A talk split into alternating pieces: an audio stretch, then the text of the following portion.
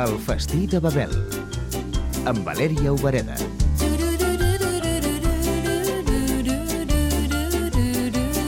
Una cosa que es muy imprescindible en la comida irlandesa es nata fresca i mantequilla. Sinit Halkett va néixer al Canadà, però als 3 anys ja va anar a viure al sud-oest d'Irlanda, a la comarca de Kerry.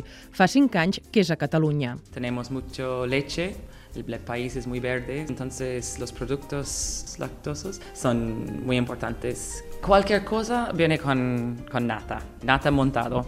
A veces tienes que pedir sin nata, por si acaso, porque viene con todo. Però també teniu una altra cosa que no falta mai, oi? Patatas también son muy importantes.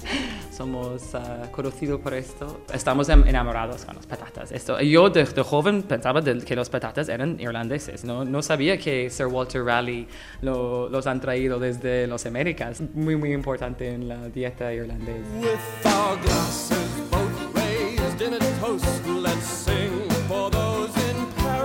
Comencem ja a saber què mengeu. El plato típico que todo el mundo ah, sabe es um, Irish stew estofado irlandés, que es de cordero, zanahoria y patatas y hierbas varios. También tenemos salmón, baked salmon, en el horno entero con patatas y varias verduras. Y el plato popular es bacon and cabbage, que es hervido a veces y hecho en el horno con col.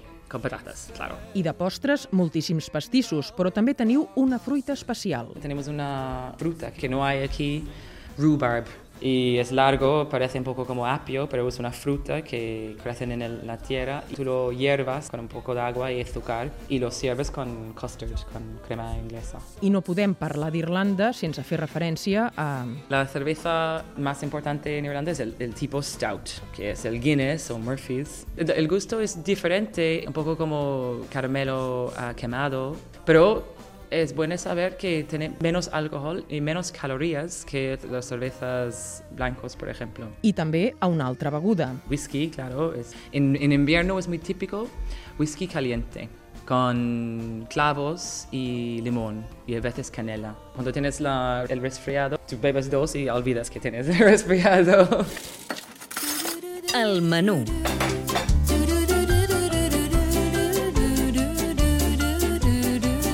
La Cini te'n suggereix Estofado de Guinness, y de- estofado de Stout, ese tipo de cerveza. El problema con esto es, es muy difícil porque tienes que quemar con azúcar o algo la cerveza, porque si no tiene, o, co- o cocinarlo bien con, con azúcar, porque si no el sabor es muy amargo. Cocinas la ternera muy lentamente, servido con patatas, claro. i de postres Si será posible, rhubarb con custard, pero si no, aquí igual puedo hacer un pastel de manzana. Bon profit, Cinit. Eat hearty.